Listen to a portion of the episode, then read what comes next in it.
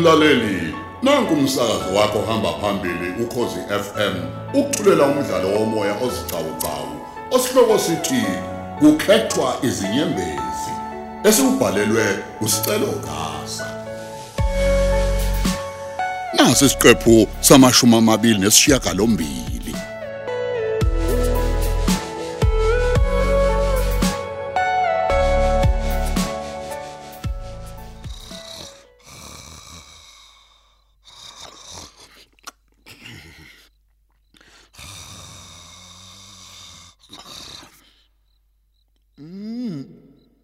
Kwahle mangena. Musuku ngiphuca ibhodlela lami latshwala man. Hey usuyaphuza yini wena? Hayi musuku uchitha. Hayi bo yini lena onginika yona manje?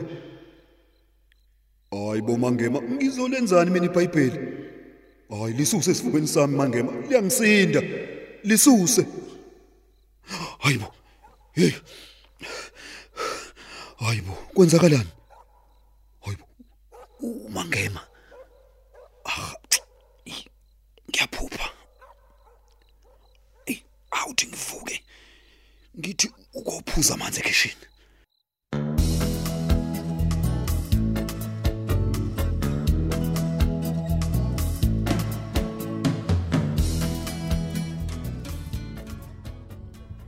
Eh uyazi Rose apha manje so- sibe sibuzoxaya ukuthi mina nawe sishonephi hayi suka ngicabanga ukuthi uthanda uyazi ukuthi ngila ekamelweni nawe esethi awu hayi kodwa ngoba phela sesiqedile ade sikwenza sesingaphuma nje.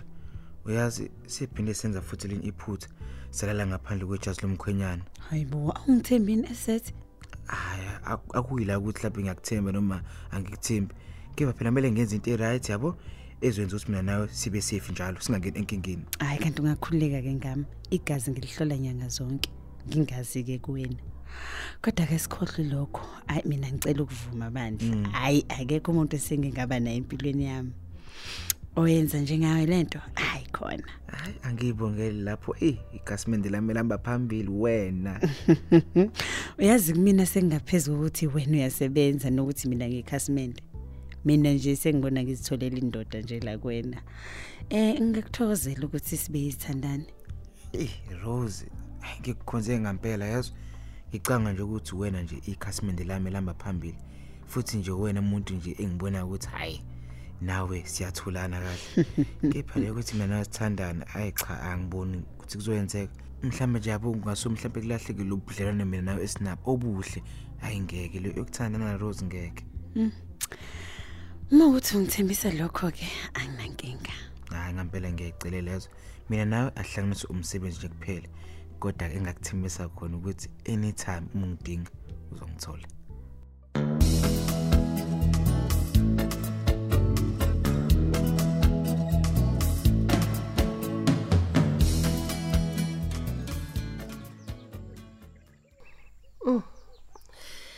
lehla kwamnandi naleli tiye lami ngeke usho nokuthi ngilenze ngesitofu sika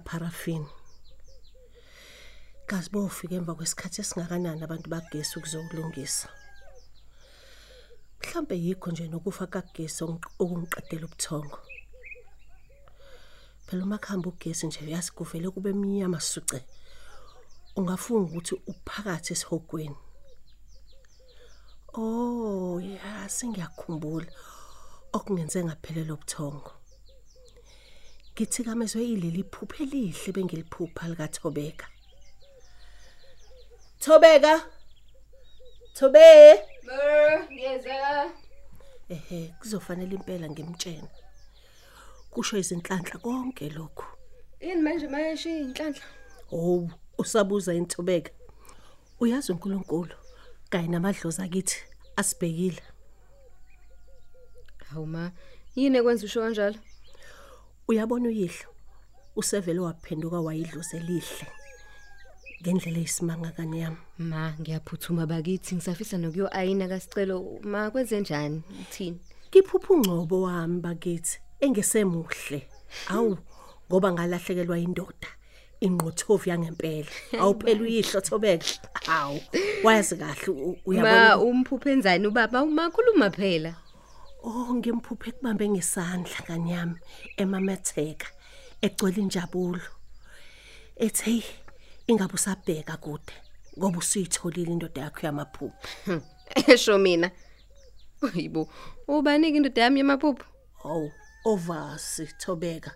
Hawu ngabuye kube ubani? Uma ngasiyena utshiza Hey, yize yena utshiza ngingambonanga phela. Ufike nje ubaba wakho wakubamba ngesandla wayeseyokunikezela kowesilisa. Obekhala edinga uthando. Yizwe ebusweni ngingazange ngimbone. Kodwa ngiyazi kahle ukuthi untshiza ke lo. Hayibo ma. Pho manje wena usho kanjani ukuthi iyona ndoda yami yamaphupho kuntshiza? hayi ingoba phela thobeka ubaba wakho ubesethi ziphathe kahle emendweni ndodakazi Hey suka ma, wena ubuzicabangela untshiza wakho nje. Mina nontshiza asisoze sathandana. hayibo yini evimbela lokho kwaphela ungumuntu olungile nje untshiza Tshela mina ke mama, ulungele mina noma ulungele wena? Ngoba cha bandla mina, mina Thobeka ayangiziboni inhlobo nje naye. Futhi ma, ngiyacela bandla, ngicela ugcine nje kulokhu ukhuluma ngaye lana. hayi ngoba ngimkhulumela kepha ngingumzali okwazi ukubona indoda elungele indodakazi yakhe Manje ma uma indodakazi ke yona ingamfuni ke lo wesilisa kwenziwe njani? Cha bo ma, hayi angeke iziphumelele nje lento yenzayo. Yabo lo eqalayo ngicela uyiyeke.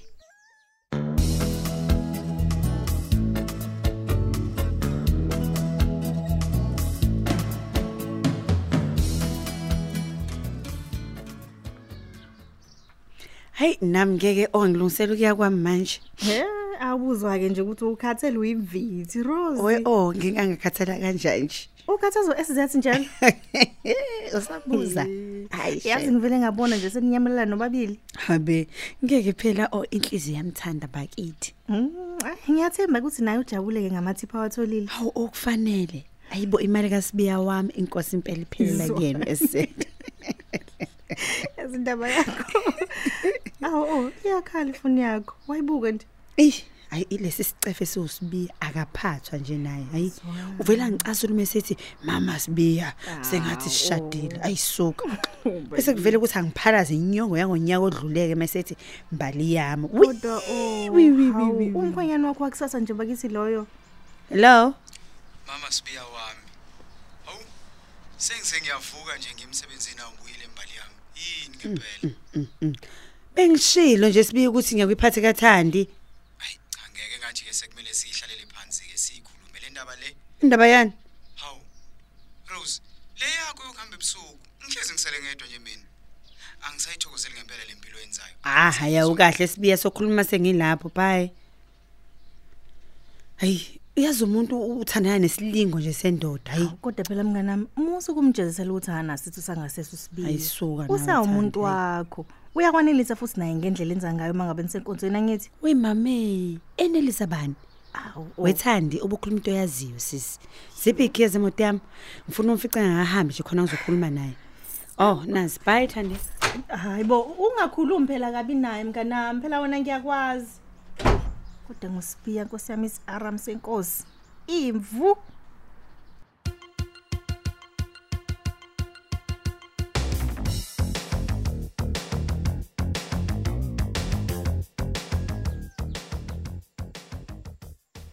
Eh yabona lento kuba la ekhaya yona evedane ingenze ibe ne stress ngicabange ngabazali bami bengcono nje ngingekho lana bengikhohlwa yonke lento ubuhlungu esevedane baqala phansi hayi bandla.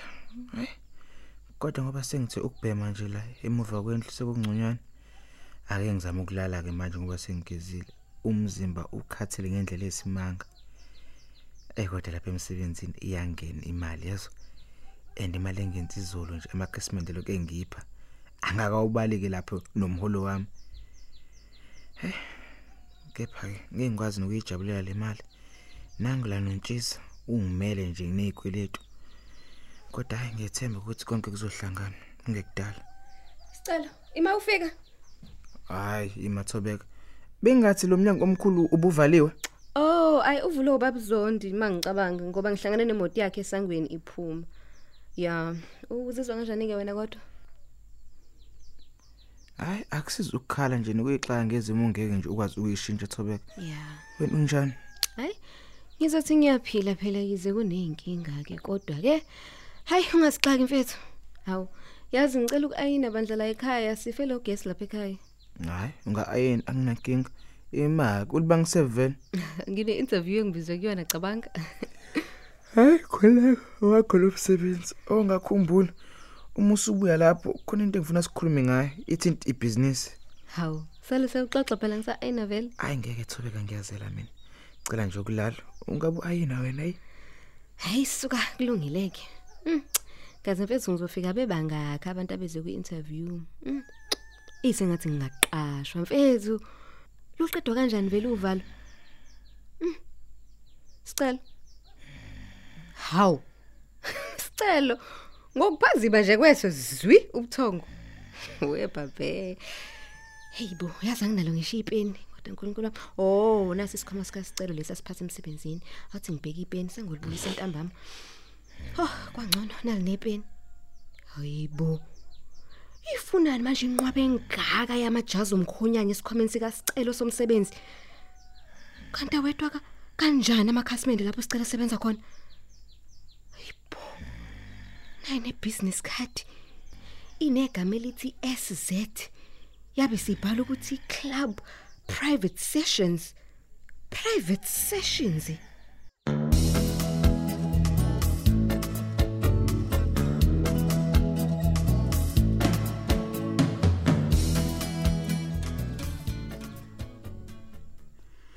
Rose ngazile nje ukuthi uzoba nenkinga ngokuthi angifika ngakule phatheni ungixolele sakhe sizwe ukuthi ekuseni ngivele ngacasula le ndoda yami ingithethisa. Hawu ithini manje? Ithi mina angisasichitha isikhathi nayo. Hawu mana ke manje bebekhona labantu besilisa beni abadansa busi phela wawuthe kumina u- uma ngingekho bona bazoba khona?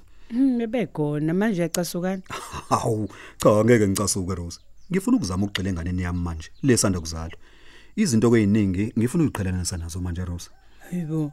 Manje mina lo ozoqheliswa hayi awucele mina ke ngoba phela wena umuntu amajazi omkhwenyana nje kwamina nje awukazi ulale nami ngaphandle kwami. Sesinezinyanga eziningi kabi nje impela sithandana. Manje kugeli ke wakhulelwa kanjani ke Hey, ungichazela ngake ngambuza nami lokho. Wangitshela ukuthi nje kunelanga la esaqhunyelwa khona ijazi. Yize ngingasakhumbuli kahle Rose kodwa ke nakho kubalekile mfowethu. Kumele ngigxile kuye manje kusukela manje. Hayibo emancane wezonto manje uqonda ukuthi mina uyangala. Cha cha Rose musuku ukubeka kabi A- angikwali. A- a- ake sithi nje u- u- uthathe ikhefa kancane lokuthanda hey. Lethu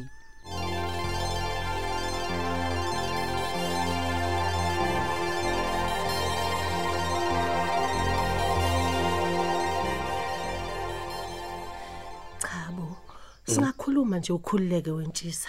Okwamanje usaphumile uthobeka. Yeah. uyokwenza insavu I- Insavu gogo. ehe inhlolo khona yomsebenzi Oh, usho interview.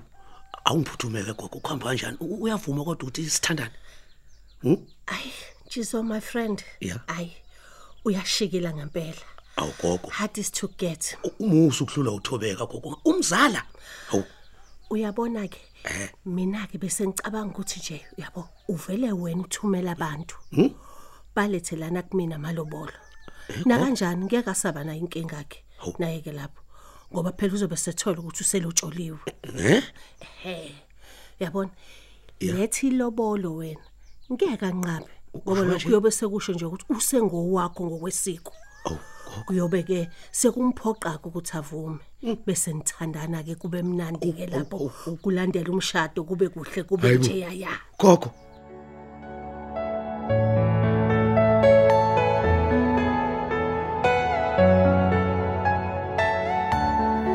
Asisibambe lapha isiqephu sethu sanamhlanje esithi kukhethwa izinyembezi.